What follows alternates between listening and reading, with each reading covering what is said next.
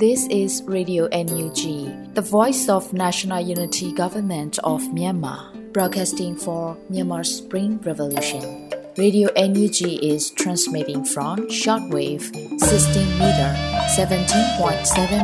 MHz at 8:30 a.m. and 25 meter 11.94 MHz at 8:30 p.m. Myanmar Standard Time. မင်္ဂလာပါရှင်။ မြို့သားညီညွတ်ရေးအစိုးရရဲ့အတန်လွင့်ဌာန Radio NUG ကိုမနက်ပိုင်း၈နာရီခွဲမှာလိုင်းတူ16မီတာ19.89 MHz ညပိုင်း၈နာရီခွဲမှာလိုင်းတူ25မီတာ17.6 MHz တို့မှာဓာတ်ရိုက်ဖမ်းယူနိုင်စေနိုင်ပါရှင်။မင်္ဂလာအပေါင်းနဲ့ပြည့်စုံကြပါစေ။အခုချိန်ကစပြီး Radio NUG အစီအစဉ်လေးကိုဓာတ်ရိုက်အတန်လွှင့်ပေးနေပါပြီရှင်။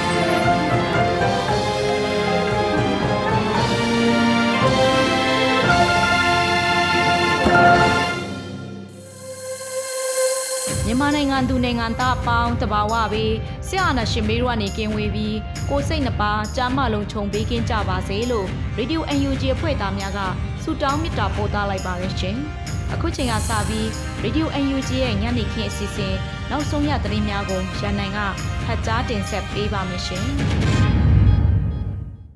မင်္ဂလာပါခင်ဗျာခုချိန်စပြီး Radio NUG ညခင်းသတင်းတွေကိုဖတ်ကြားတင်ပြပေးပါတော့မယ်ခင်ဗျာအခုတင်ပြပေးမယ့်သတင်းတွေကတော့ Radio NUG သတင်းတောင်ကန်တွေနဲ့ခိုင်လုံတဲ့မိဘသတင်းရင်းမြစ်တွေကအခြေခံထားတာပဲဖြစ်ပါတယ်ကျွန်တော်ကတော့ရန်နိုင်ပါအာနာသိန်းစစ်ကောင်စီကိုအင်းကြီးချင်းနိုင်ငံများကအတိမတ်မပြုပဲအာဆီယံနိုင်ငံခြားရေးဝန်ကြီးများစီးပွားကိုလည်းတယောက်ခွင့်မရခဲ့တဲ့သတင်းကိုတင်ဆက်ပေးကြပါမယ်ကမ္ဘောဒီးယားနိုင်ငံဖနမီမြို့မှာဖေဖော်ဝါရီလ19ရက်နေ့မှာကျင်းပမယ်အာဆီယံနိုင်ငံခြားရေးဝန်ကြီးများတည်တံ့စီးပွားမှာမြန်မာအာဏာသိမ်းစစ်ကောင်စီဟာဖိတ်ကြားခြင်းမခံရဘဲ စေအုပ်စုဘက်ကလည်းသူတို့မတက်ရောက်ဘူးလို့သတင်းထုတ်ပြန်ခဲ့ပါတယ်။ဖေဖော်ဝါရီလ14ရက်နေ့ရက်စွဲနဲ့အာဏာသိမ်းစေအုပ်စုရဲ့နိုင်ငံခြားရေးဘက်ကအခုလိုသတင်းထုတ်ပြန်ခဲ့တာဖြစ်ပါတယ်။အာဆီယံလက်ကျဥက္ကဋ္ဌဖြစ်နေတဲ့ကမ္ဘောဒီးယားနိုင်ငံဝန်ကြီးချုပ်ကိုယ်တိုင်နေပြည်တော်စစ်ကောင်းဆောင်နဲ့လာရောက်တွေ့ဆုံခဲ့ပေမဲ့အာဏာသိမ်းစေအုပ်စုကိုအာဆီယံတွင်ပြန်လည်နေရာချရေးကြိုးပမ်းမှုဟာအရာမထင်ခဲ့ပါဘူး။ပြီးခဲ့တဲ့အရင်အစည်းအဝေးတွေအတိုင်းပဲနိုင်ငံရေးအရာကိုစားမပြုသူပုဂ္ဂိုလ်များကိုသာတက်ရောက်ရမှာဖြစ်တယ်လို့အာဆီယံကအလို့ရှိပေမဲ့ စစ်အုပ်စုဟာမြည်သည့်ပုဂ္ဂိုလ်ကိုမှစီလို့မှာမဟုတ်ဘူးလို့သတင်းထုတ်ပြန်လိုက်ပါတယ်။အာနာသိန်းဖွဲ့ရဲ့နိုင်ငံခြားရေးဝန်ကြီးဖြစ်နေရာယူထားသူဦးနာမောင်လင်တက်ရောက်ဖို့ကမ္ဘောဒီးယားကစူးစမ်းခဲ့မှုပဲမဲ့အဖွဲ့ဝင်နိုင်ငံတွေကန့်ကွက်လို့ဆွေးနွေးပွဲရက်ရွှေ့လိုက်ရတဲ့အထိဖြစ်ခဲ့ပူပါတယ်။ဖေဖော်ဝါရီလ19ရက်နေ့မှာပြုလုပ်မယ်ဆွေးနွေးပွဲအတည်ပြုနေ့မှာတော့စစ်ကောင်စီဟာ၎င်းတို့ရဲ့တရားဝင်မှုကိုအခုလိုပဲညှင်းဆန်ခံလိုက်ရပြီးအာဆီယံရဲ့မကြုံစဘူးပြင်းထန်တဲ့ဆုံးဖြတ်ချက်ကိုလည်းရင်ဆိုင်နေရပါတယ်။ ဒီစီဝေးဟာ2022ခုနှစ်မှာအာဆီယံအလဲကျဥက္ကဋ္ဌဖြစ်လာတဲ့ကမ္ဘောဒီးယားနိုင်ငံကပထမဆုံးအကြိမ်လက်ခံကျင်းပမဲ့အာဆီယံနိုင်ငံခြားရေးဝန်ကြီးများအစည်းအဝေးဖြစ်ပါတယ်။အာဆီယံခေါင်းဆောင်တွေအားလုံးချမှတ်ခဲ့တဲ့ဘုံသဘောတူညီချက်၅ချက်ကိုမြန်မာအာဏာသိမ်းစစ်ကောင်စီဘက်ကအခုချိန်ထိမလိုက်နာတဲ့အတွက်ဆက်လက်ဖယ်ကျင်ထားဖို့ဆုံးဖြတ်ခဲ့ကြတာလည်းဖြစ်ပါတယ်။တိုင်းပြည်အာဏာကိုဥပဒေမဲ့တင်ယူထားခဲ့တဲ့စစ်ကောင်စီရဲ့နိုင်ငံခြားရေးဌာနကတော့အာဆီယံရဲ့ဆုံးဖြတ်ချက်ဟာအာဆီယံပြည်ညင်စာရန်ရှေ့တောင်အာရှချစ်ကြည်ရေးနဲ့ပူးပေါင်းဆောင်ရေးစာချုပ် ငြိမ်းချမ်းစွာတူရှင်တွဲရေးမူကြီး၅ချက်ကုလသမဂ္ဂပြည်ညင်စာရန်ပါအခြေခံမူတွေမြန်မာနိုင်ငံခြားရေးမူဝါဒတွေနဲ့သွေးဖယ်နေတယ်လို့ဆိုပါတယ်။အာဆီယံမှာနိုင်ငံတိုင်းဒန်းတူရည်တူပါဝင်ခွင့်ရရှိရေးဆိုတဲ့မူနဲ့ထုံတန်းစင်လာတွေကိုသွေးဖယ်နေလို့မလွဲမရှောင်သာတဲ့အခြေအနေကြောင့်မြန်မာကအစည်းအဝေးမတက်တာလို့ထုတ်ပြန်ကြေညာပါတယ်။နေပြည်တော်ထိလာရောက်ပြီးစစ်ကောင်းဆောင်နဲ့တွေ့ဆုံခြင်းစစ်အုပ်စုလက်အောက်ခံဦးနာမောင်လင်ကိုဖနန်ပင်ကိုဖိတ်ခေါ်ဆွေးနွေးခြင်းစတဲ့ဤပေါင်းစုံနဲ့အလှည့်ကျဥက္ကဋ္ဌဟွန်ဆန်ရဲ့ကြိုးပမ်းဆောင်ရွက်ခဲ့မှုကိုတော့အ တိမတ်ပြုတယ်လို့စစ်အုပ်စုဘက်ကထုတ်ပြန်ထားတာတွေ့ရပါတယ်။မြန်မာရေးချောင်းဝင်ဖြည့်ရှင်းပေးရန်အာဆီယံပုံသဘောတူညီချက်၅ချက်ကိုချမှတ်ခဲ့ပေမဲ့အကြမ်းဖက်စစ်အုပ်စုဟာလိုက်နာခြင်းမရှိပါဘူး။စစ်အာဏာရှင်တွေဟာအာဆီယံထိပ်သီးစည်းဝေးများကိုနိုင်ငံရေးကိုစားပြုအနေနဲ့တက်ရောက်ခွင့်မရတာဟာ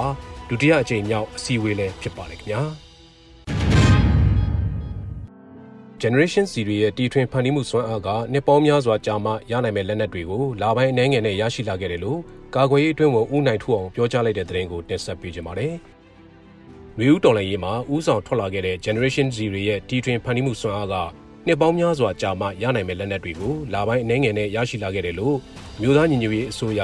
ကာကွယ်ဝန်ကြီးဌာနအတွင်းဝန်ဦးနိုင်ထူအောင်ကပြောကြားလိုက်ပါတယ်။လက်နက်ထုတ်လို့ရပေါ် Generation Z ပေါ်တကယ်ကိုသူတို့ရဲ့တီထွင်ဖန်တီးနိုင်မှုစွမ်းအားမြင့်မားမှုတွေနဲ့နှစ်ပေါင်းများစွာကြာမှရနိုင်မယ့်ပညာရပ်တွေကိုလာပိုင်းနိုင်ငံတွင်မှရရှိလာပြီးတော့တိုးတက်မှုများစွာဆောင်ကျဉ်လာနိုင်တဲ့ လက်နက်ရရှိရေးမှာခက်ခဲရင်တောင်မှအခုထုတ်လုပ်နိုင်ပြီဆိုတဲ့အခြေအနေတွေဆောင်ရွက်လာနိုင်ပါလေလို့ကာကွယ်ရေးအတွင်းကိုဦးနိုင်ထူအောင်က NSD နဲ့တွဲဆုံမြင်မြန်ကန်မှာပြောကြားလိုက်တာပါတနစ်တာပြည့်မြောက်တော့မဲ့ကာလအတွင်းမှာအဓိကဆောင်ရွက်ထားနိုင်တာကတော့ change of command ဖြစ်ပြီး change of command ရဲ့အပေါ်မှာဘိုးကွက်ကဲရေးနဲ့ပေါင်းဆက်ညီနိုင်ရေးကော်မတီ C3C ကိုထားပြီးဖွဲ့စည်းထားနိုင်ခဲ့တယ်ဆိုတာနဲ့ C3C ကိုဖွဲ့စည်းတာမှာ NUG ဇူတစည်းရဲမဟုတ်ဘဲနဲ့တိုင်းရင်းသားလက်နက်ကိုင်အဖွဲ့အစည်းတွေပါဝင်ထားတယ်လို့ဆိုပါတယ်။ကာကွယ်ဝန်ကြီးဌာန NUG တခုတည်းမဟုတ်ဘူး။တိုင်းရင်းသားလက်နက်ကိုင်တော်လိုင်းအဖွဲ့အစည်းတွေပါပါဝင်တဲ့ Change of Command တခုလှုပ်ဆောင်နိုင်ခဲ့တယ်။ပြန်ကျဲနေတဲ့ Local Defense Force တွေကိုအတိုင်းအတာတစ်ခုပေါ့။အားလုံးလို့တော့ကျွန်တော်ပြောတာမဟုတ်ဘူး။အတိုင်းအတာတစ်ခုထိ Change of Command ထဲမှာထည့်သွင်းပြီးတော့တော်လိုင်းရေးမှာစနစ်တကျပါဝင်လာနိုင်အောင်ဆောင်ရွက်နိုင်ခဲ့တာရှိပါတယ်လို့ဦးနိုင်ထူအောင်ကဆက်ပြောပါတယ်။ လက်ရှိချိန်မှာတော့ပြည်သူ့ကာကွယ်ရေးတပ်ဖွဲ့တွေအားလုံးကိုစီကံထင်းသိမ်းရေးနဲ့ပတ်သက်ပြီးအကောင်းမွန်ဆုံးလှုံ့ဆော်ထားနိုင်ကြတယ်လို့လည်းပြောကြားထားတာတွေ့ရပါတယ်။ပြည်သူ့ကာကွယ်ရေးတပ်ဖွဲ့တွေကိုတင်ကြားတဲ့အခါမှာလည်း Code of Conduct ကိုအထူးအလေးပေးတင်ကြားပြီးတော့စစ်သားကောင်းတယောက်မှလိုက်နာရမယ့်ကျင့်ဝတ်တွေကိုအကောင်းဆုံးတင်ကြားပြသထားတယ်လို့ဆိုပါတယ်။ PDF တွေကအဖွဲ့တွေအများကြီးရှိနေတယ်။နေရာတိုင်းမှာရှိနေတယ်ဆိုပေမဲ့စစ်ကောင်စီနဲ့နှိုင်းယှဉ်မယ်ဆိုရင်စီကံလိုက်နာမှုကဘလို့မှနှိုင်းယှဉ်လို့မရအောင်စီကံရှိတယ်။ပြည်သူတွေကအားကိုးတယ်ပြည်သူတွေယုံကြည်တယ်လို့ဦးနိုင်ထူအောင်ကပြောပါတယ်။ မြို့သားညီညွတ်ရေးဆိုရာကာကွယ်ဝန်ကြီးဌာနအနေနဲ့ကတော့တိုက်ပွဲအတွက်အသင့်ဖြစ်မဲ့လူဆွမ်းရင်းမြစ်တွေကိုမွေးထုတ်ထားပြီးဖြစ်တယ်လို့လက်နက်ရရှိရေးပိုင်းမှာလည်းအတိုင်းအတာတစ်ခုထိတော့လှုပ်ဆောင်ထားနိုင်လို့လည်းမှတ်ချက်ပေးထားတာတွေ့ရပါတယ်ခင်ဗျာစစ်တပ်ဟာအကြက်တဲနဲ့ကြုံရမှသာငြိမ်းချမ်းရေးကမ်းလှမ်းလေးရှိတယ်လို့ KNU တပ်မဟာ9ခေါင်းဆောင်ကပြောဆိုလိုက်တဲ့သတင်းကိုလည်းတင်ဆက်ပေးပါောင်းမယ်။အာနာသိန်းစစ်ကောင်စီဟာဖေဖော်ဝါရီလ6ရက်နေ့ကထာဝရငြိမ်းချမ်းရေးအမည်နဲ့ငြိမ်းချမ်းရေးဆွေးနွေးမယ်လို့ဒိုင်းယန်သားလက်နက်ကိုင်ဖွဲ့တွေကိုဖိတ်ခေါ်ခဲ့ပါတယ်။ ဆုံးဖြတ်ချက်ချနိုင်မဲ့တိုင်းသားအဖွဲ့ခေါင်းဆောင်တွေမတက်ရောက်နိုင်လို့ဖေဖော်ဝါရီလ17ရက်နေ့ကအစည်းအဝေးဟာအလိုသဘောတွေ့ဆုံမှုသာဖြစ်ခဲ့ပါတယ်။ KNU ကရင်မျိုးသားအစည်းအရုံးရဲ့ KNLA တပ်မဟာ9တပ်မဟာမူဗိုလ်မှူးချုပ်စောမှုဟဲကဖေဖော်ဝါရီလ14ရက်နေ့ကမူဒရော် KI သတင်းစဉ်ကိုပြောကြားရမှာတော့ငင်းချမ်းရေးဖိတ်ခေါ်ကမ်းလှမ်းမှုရည်ရွယ်ချက်ဟာပြည်သူ့ကာကွယ်တပ်ဖွဲ့ PDF ကိုချိန်မုံရန်အတွက်သာဖြစ်ပြီးအာဏာရှင်စစ်တပ်ဟာ၎င်းတို့အခက်အခဲတစုံတရာမရှိရင်ဘယ်တော့မှငင်းချမ်းရေးကမ်းလှမ်းလေးမရှိဘူးလို့ပြောဆိုလိုက်တာဖြစ်ပါတယ်။လက်ရှိ PDF အနေထားက သူတို့အတွက်ကြီးမားတဲ့ခက်ခဲတစ်ခုဖြစ်စေတယ်ဆိုတာသူတို့သိတယ်။အဲအကြောင်းတိုင်းသားလက်နက်ကိုင်ဖွဲ့စည်းတွေအနေနဲ့အပြစ်ခတ်ရက်စဲလိုက်မယ်ဆိုရင် PDF ကိုရှင်းလင်းမှုတွေလှုပ်ဆောင်မယ်ပေါ့။ဒါကသူတို့စီစဉ်တစ်ခုပဲလို့ဗိုလ်မှူးချုပ်စောမှုဟဲကကရင်ဘာသာနဲ့ပြောဆိုပါတယ်။ငင်းချင်ရေးဖိတ်ခေါ်မှုမှာအပြစ်ရက်စာချုပ် NCA လက်မှတ်ထိုးအဖွဲ့ရော NCA မထိုးထားတဲ့အဖွဲ့ရောဖိတ်ခေါ်တယ်ဆိုပေမဲ့အာဏာသိမ်းမှုကိုခုခံနေတဲ့ຫນွေဦးတော်လိုင်းအင်အားစုများမပါဝင်ဘူးလို့စစ်အုပ်စုကဆိုပါတယ်။ပြည်သူ့ကာကွယ်တပ်ဖွဲ့ကရင်ပြည်နယ်ပကဖခေါင်းဆောင်တူဖြစ်သူစောစကပေါ်က PDF ကိုရောတော်လိုင်းအင်အားစုအားလုံးကိုရောချိန်မုံကလွယ်ကူအောင်ရည်ရွယ်ချက်ရှိရှိဆောင်ရွက်နေတာသာဖြစ်တယ်လို့ပြောလိုပါတယ်။စစ်ကောင်စီဟာစီးရေးအရာရောနိုင်ငံရေးအရာရောဗပေါင်းစုံကအထိနာနေချိန်မှာထာဝရငင်းချမ်းရေးဆိုပြီးကန့်လန့်လာတာသူတို့အနေနဲ့ဘယ်လိုမှအခြေအနေမဟန်တော်မှန်းသိနေတယ်လို့ပဲဖြစ်တယ်။ဒီတွင်ရောနိုင်ငံတကာကပါစစ်ကောင်စီအကြောင်းသိလာတော့နီလန်ဟောင်းအတိုင်းဆောင်ရွက်နေတာလို့မြင်တယ်။ဒီလိုကန့်လန့်မှုမျိုးကိုလည်းအချိန်ချင်းသင်ခန်းစာရပြီးသားလည်းဖြစ်တယ်။အချိန်ချင်းလည်းခံစားခဲ့ကြပြီးဖြစ်တဲ့အကြောင်းဒေသခံသတင်းမီဒီယာ KIC ကိုပြောကြားပါတယ်။ အာနာရှင်စနစ်မြန်မာပြည်ပေါ်ကအပြီးတိုင်ဖယ်ရှားပြည်ရေးလူဦးတော်လိုင်းရေးမှာမကြုံစဘူးတိုင်းရင်းသားပေါင်းစုံညီညွတ်မှုကိုရင်ဆိုင်နေရချိန်မှာငင်းကျင်းအယောင်ဆောင်ကန့်လန့်မှုဟာဘယ်ကိုဥတီတယ်ဆိုတာကြိုသိနိုင်တယ်လို့လဲစောစကဘော်ကဆက်ပြောပါတယ်ဒီငင်းကျင်းကန့်လန့်မှုဟာစစ်ကောင်စီကအခွင့်အရေးယူဖို့အတွက်လှုံ့ဆော်ချက်တစ်ခုသာဖြစ်ပါတယ်အဲ့ဒါရန်သူရဲ့ပြည်ရကိုကျွန်တော်တို့ခေါင်းဆောင်တွေကမသိရင်မှားနိုင်တယ်ပေါ့နော်သူတို့တွေမသွားကြတာကျွန်တော်တို့ကရင်ပြည်သူတွေအတွက်ကောင်းမွန်တဲ့လှုပ်ဆောင်ချက်ဖြစ်ပါတယ်လို့ဗိုလ်မှူးချုပ်စောမှုဟဲကလည်းပြောဆိုကြောင်းသိရပါတယ်။ နေပြည်တော်မှာဖေဖော်ဝါရီလ12ရက်ကပြုလုပ်ခဲ့တဲ့စစ်ကောင်စီရဲ့ပြည်တော်စုနှင့်အမိခံအခမ်းအနားကိုပရိုစောရွှေမောင်တက်ရောက်တာကိုတွေ့ရှိရပြီးစောရွှေမောင်က KNU မှာလက်ရှိဘာတောင်ဝန်းမှမရှိပါဘူးတူးချင်းဆန္ဒရသွားတာဖြစ်တဲ့ KNU နဲ့လုံးဝမပတ်သက်ပါဘူးခင်ဗျာလို့ပရိုစောတော်နီကသတင်းဌာနတွေကိုပြောဆိုထားပါတယ်ပရိုရွှေမောင်ဟာ KNU အမျိုးသားအစည်းအရုံးရဲ့ဒူပလာယာခရိုင်ဥက္ကဋ္ဌတာဝန်ကိုဇန်နဝါရီလ29ရက်နေ့ကစပြီးအနားယူခဲ့တာဖြစ်ပါတယ်။ကရင်မျိုးသားအစည်းအရုံးဟာ စစ်တပ်အာဏာသိမ်းမှုကိုစန့်ကျင်ကန့်ကွက်တဲ့ပြည်သူလူထုရဲ့တော်လှန်ရေးကိုအကူအညီများပေးနေတဲ့တိုင်းသားလက်နက်ကိုင်ဖွဲ့စည်းဖြစ်ပါတယ်။အကြမ်းဖက်စစ်ကောင်စီကအကန့်အသတ်မထားပဲဆွေးနွေးမယ်လို့ကမ်းလှမ်းမှုပြုလုပ်ခဲ့ပါတယ်။သို့တော့ပြည်သူစန္ဒနဲ့ရက်တီကအကြမ်းဖက်စစ်တပ်ကိုခုခံတိုက်ခိုက်နေတဲ့ KNU အပါအဝင်တိုင်းသားလက်နက်ကိုင်ဖွဲ့များကမတက်ရောက်ပါဘူး။တက်ရောက်တဲ့ဖွဲ့များကလည်းဆုံးဖြတ်ချက်ချနိုင်သူများမဟုတ်ဘဲကိုယ်စားလှယ်များသာဖြစ်လို့အလွတ်သဘောသာတွေးဆုံစကားပြောပွဲဖြစ်ခဲ့ပါတယ်ခင်ဗျာ။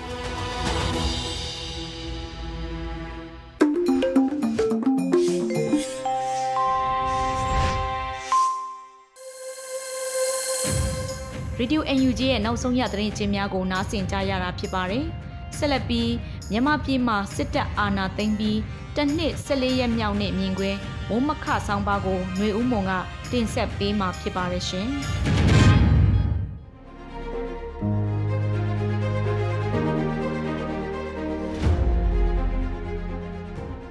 လက်နက်ကိုင်းပြိပခါတွေကြားမှာတကြော့ပြန်နှိမ့်ဆက်အောင်မဲ့ကိုဗစ်သရုတ်ထလိုင်းလို့ဆိုကြမှာတော့တယ်။ဖေဖော်ဝါရီလစမ်းမီ ပထမသတင်းပတ်မှာကလေးကရန်ကုန်မြို့မှာကိုဗစ်ဗိုင်းရပ်စ်မျိုးကွဲအသစ်ဖြစ်တဲ့ Omicron ကရှိန်နဲ့ပြန့်နှံ့စပြုနေပြီဖြစ်ပါတယ်။အဲဒီရက်ကစစ်ကောင်စီရဲ့နေ့စဉ်ထုတ်ပြန်နေတဲ့အတီးပြုကူးဆက်ခံရတဲ့လူနာအရေအတွက်က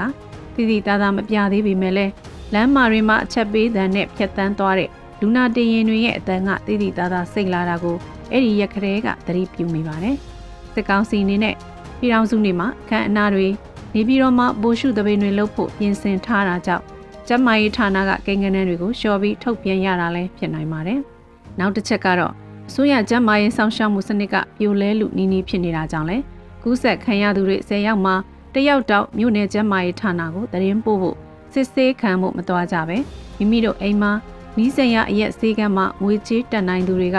ပုဂ္ဂလိကစေယုံမှာပြသတာကြောင့်ဖြစ်ပျက်နေတဲ့ကိန်းဂဏန်းတွေကထုတ်ပြန်တဲ့အရေးအတွက်တွေမပါနိုင်တော့တာဖြစ်ပါတယ်။ မနေ့တနေ့ကပြည်အောင်စုနေအခမ်းအနားတွေလည်းပြီးသွားချိန်မှာစစ်ကောင်စီရဲ့ကျန်းမာရေးဝန်ကြီးဌာနထုတ်ပြန်တဲ့ကိန်းဂဏန်းကရုတ်တရက်တိုးသွားပြီးဖေဖော်ဝါရီ12ရက်နေ့တွေ့ရှိတဲ့အရေးအတွက်က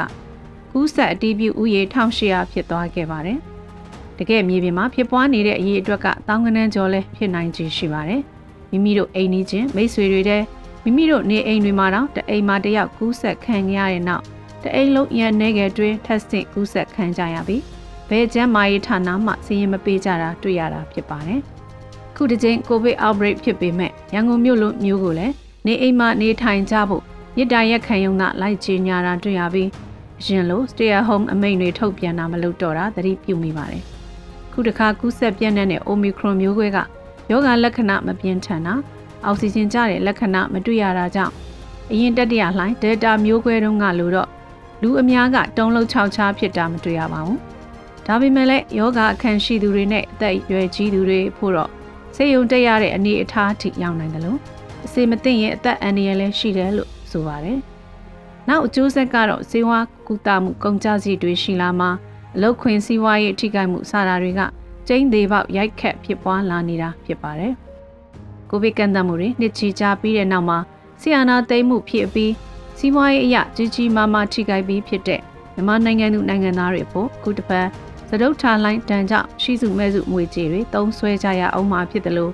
ကံကောင်းကြောင်းမလိုက်ရင်ချစ်ခင်ရသူတွေကိုပါချွေယူသွားခြင်းခရအောင်မဲ့အခြေအနေနဲ့ရင်ဆိုင်ကြရအောင်မှာဖြစ်ပါတယ်။စစ်ဘေးရှောင်စခန်းတွေလက်နက်ကိုင်းတိုက်ပွဲတွေဖြစ်ပွားနေတဲ့စကိုင်းချင်းကရင်ကယားကချင်နဲ့မကွေးတို့လိုဒေသတွေစီလည်းအနည်းနဲ့အမြန် Omicron ကူးစက်မှုကရောက်ရှိလာအောင်မှာဖြစ်ပါတယ်။မိမိတို့နေအိမ်မှာနေထိုင်နေရသူတွေအဖို့တောင်မှ ကူးစက်ယောဂဒဏ်ကိုဒီလောက်ခံစားနေရရင်အမိုးအကာကောင်းကောင်းမရှိလုံခြုံနှွေးထွေးတဲ့နေစရာမပြည့်စုံအစားအသောက်ရိတ်ခငွေချေးအခက်အခဲရင်ဆိုင်နေရတဲ့စစ်ဘေးရှောင်တွေအဖို့ကူးစက်ယောဂကတပူပေါ်နှစ်ပူဆင့်ဖြစ်စေမှာဖြစ်ပါတယ်။ကျန်းမာရေးကောင်းအသက်အရွယ်ငယ်သူတွေအဖို့ထူးထူးခြားခြားစေဝါကုသစရာတိတ်မလို့တဲ့ virus မျိုးကွဲဖြစ်ပေမဲ့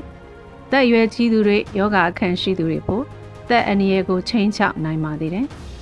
ပြီးခဲ့တဲ့တတိယလှိုင်းမှာတုန်းကရန်ကုန်မြို့တမျိုးတည်းတွေနှစ်လတာအတွင်းသေဆုံးသူတောင်းနဲ့ချီရှိခဲ့ပါတယ်။ကျမကြီးရဲ့မှတ်တမ်းစည်းရင်းတဲ့ဝင်တဲ့ကိန်းဂဏန်းထက်အိမ်မှာဖြစ်ပြီးအိမ်မှာတင်သေဆုံးကြရသူက3လေးစားမကများပြားခဲ့တာမို့ရန်ကုန်မြို့တုတ်တန်3ခုကပေါင်းစုထားတဲ့စည်းရင်းအရနှစ်လအတွင်း3000နီးပါးသေဆုံးခဲ့ကြရတာဖြစ်ပါတယ်။စီမံခန့်ခွဲမှုကောင်းမွန်ခဲ့ရင်ကျန်းမာရေးစောင့်ရှောက်မှုစနစ်ရှိခဲ့ရင်နိုင်ငံရေးအကျက်တဲဖြစ်မနေခဲ့ရင် အရေးပေါ်အခြေအနေမှာနိုင်ငံတကာရဲ့အကူအညီလည်းရခဲ့ရင်အတိုင်းတာတစ်ခုတည်းသောလူအသက်တွေကိုကယ်တင်နိုင်ခဲ့မယ်ဆိုတာတန်တရားဖြစ်ပွဲမရှိပါဘူး။ရန်ကုန်တမျိုးရဲ့ကိန်းကနန်းသာစုဆောင်းရရှိတာမှုဖော်ပြလိုက်ရပေမဲ့အဲ့ဒီကာလကမန္တလေးပသိမ်မော်လမြိုင်တောင်ကြီးစတဲ့မြို့တွေမှာလည်းသေဆုံးမှုတွေသူနေရာနဲ့သူစိုးရင်စရာကိန်းကနန်းအထိရှိခဲ့တာဖြစ်ပါတယ်။စစ်ဘေးနဲ့ကုဆက်ကဘေးတပြိုင်တည်းကြာရောက်ခဲ့တဲ့အခြေအနေမျိုးပြီးခဲ့တဲ့တတိယလိုင်းမှာတစ်ချိန်အ ခုတပြန်သရုပ်ထားလိုက်အဖြစ်နဲ့ကြုံကြရအောင်မှာဖြစ်ပါတယ်။ပြည်သူအချင်းချင်းကူညီကြရိုင်းပင်းကြတာတွေအများအပြားတွေ့ရလို့ဆရာတက်ဆရာတွေရှိပေမဲ့အချို့သောအစိတ်အပိုင်းတွေမှာဈေးဝါးတွေဈေးတင်တာအရေးပေါ်အခြေအနေမှာကုသပေးဖို့ဝင်လေးကြတာတွေစတဲ့စိတ်အားပြတ်ဖွယ်ရအစိတ်အပိုင်းအချို့လည်းရှိခဲ့တာပါ။ခုတစ်ချိန်ကြုံလာကြရတဲ့ကူးဆက်ကပ်ဘေးကိုရင်ဆိုင်ဖို့စိတ်ပိုင်းရုပ်ပိုင်းပြင်ဆင်ထားကြဖို့အချိန်ရောက်နေပြီလို့သာဆိုချင်ပါတယ်ရှင်။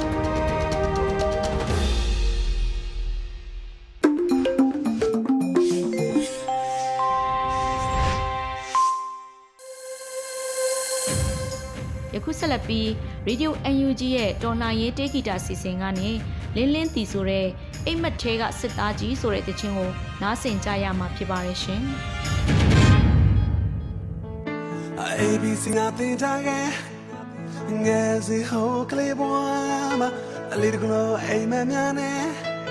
အပြောပါတဲ့စာသင်ခန်းထဲ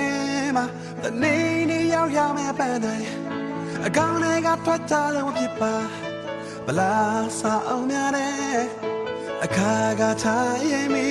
ခဲ့ပါတယ်အလူလိုလူလူတင်တာညာလေးစတာဒီဖြစ်နေ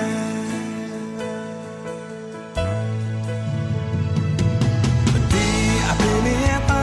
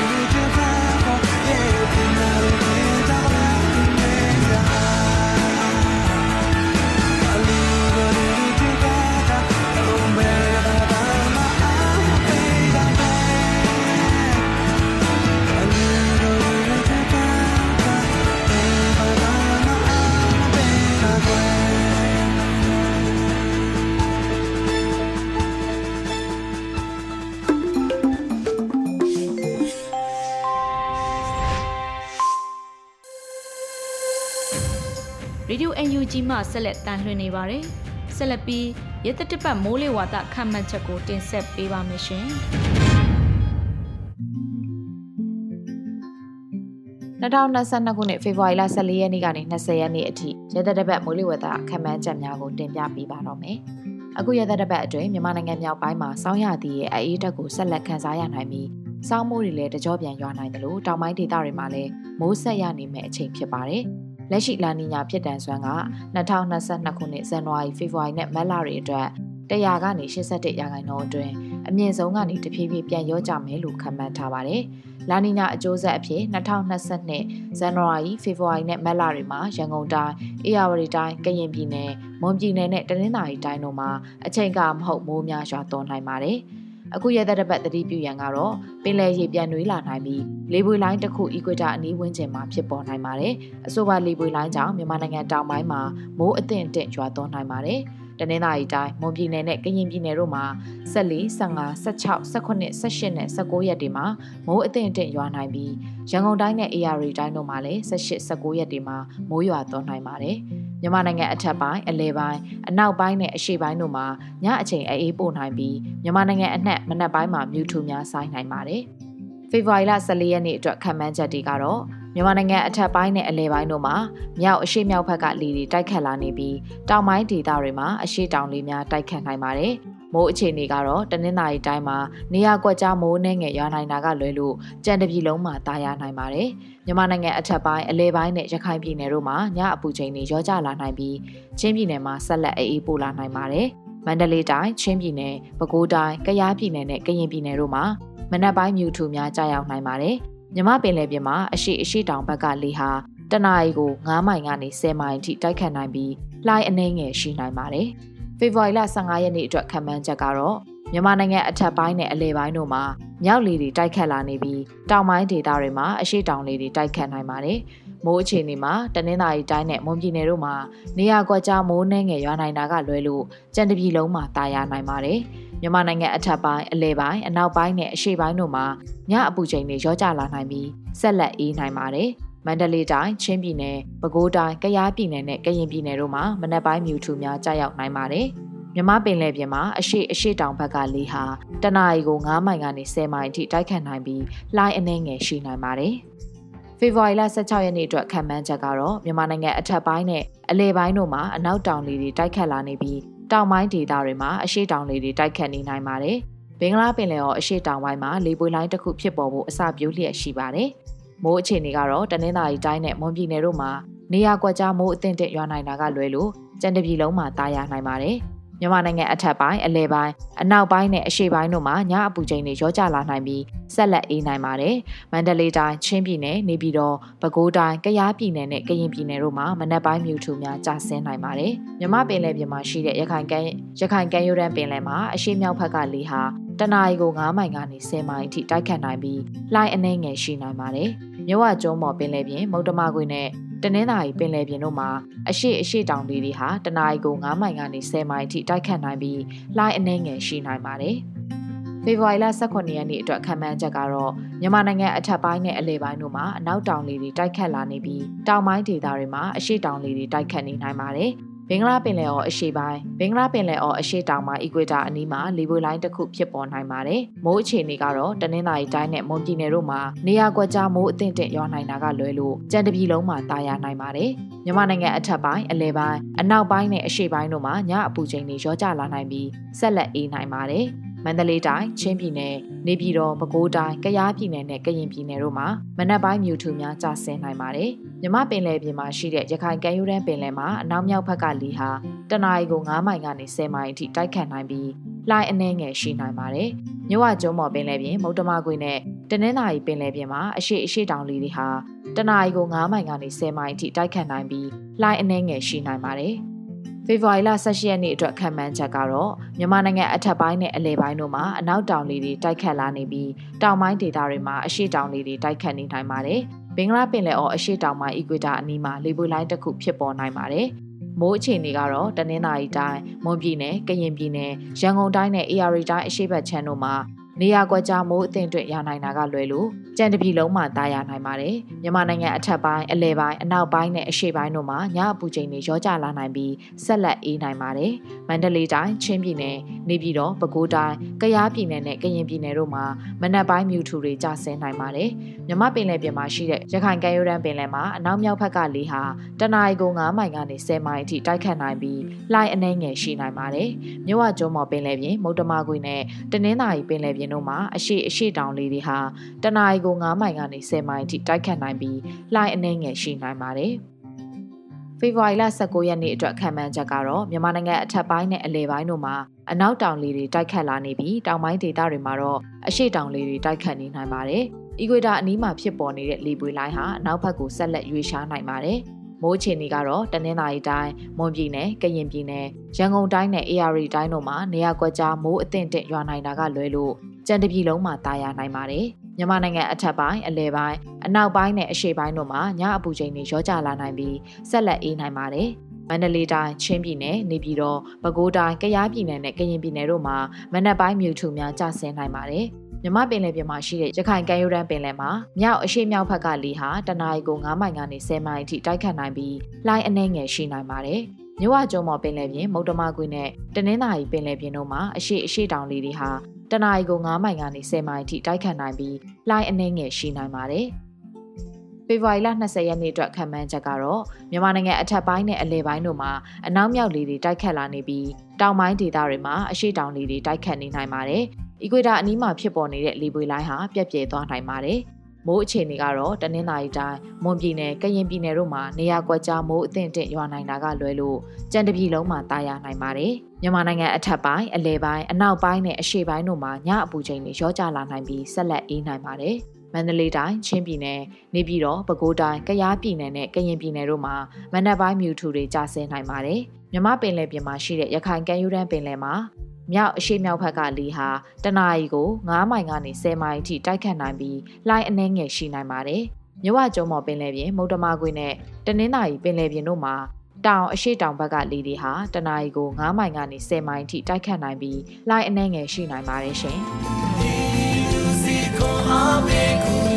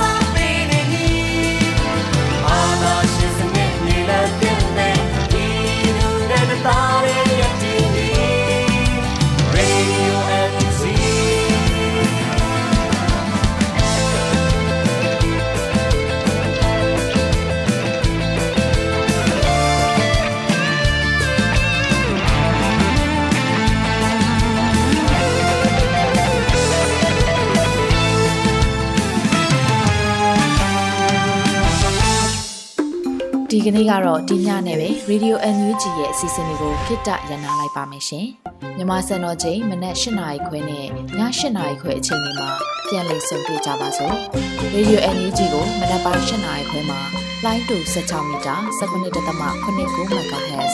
ညပိုင်း၈နာရီခွဲမှာလိုင်းတူ25မီတာ17.6 MHz တို့မှာဓာတ်ရိုက်ဖမ်းလို့နိုင်စေနိုင်ပါပြီ။ မြန်မာနိုင်ငံသူနိုင်ငံသားတွေကိုစိတ်နှပြကျန်းမာချမ်းသာလို့ဘေးကင်းလုံခြုံကြပါစေလို့ Radio NUG အဖွဲ့သူဖွဲ့သားတွေကဆုတောင်းမေတ္တာပို့တာနေပါတယ်ရှင်။မြေသားညီမတွေအစိုးရရဲ့စက်တော်ရင်သတင်းအချက်အလက်တွေလူပညာဝန်ကြီးဌာနကထုတ်လွှင့်နေတဲ့ Radio NUG ဖြစ်ပါတယ်။ San Francisco Bay Area အခြေစိုက်မြန်မာမိသားစုတွေနဲ့နိုင်ငံတကာကစေတနာရှင်တို့အားပေးနေတဲ့ Radio NUG ဖြစ်ပါတယ်။အရေးတော်ပုံအောင်ရမည်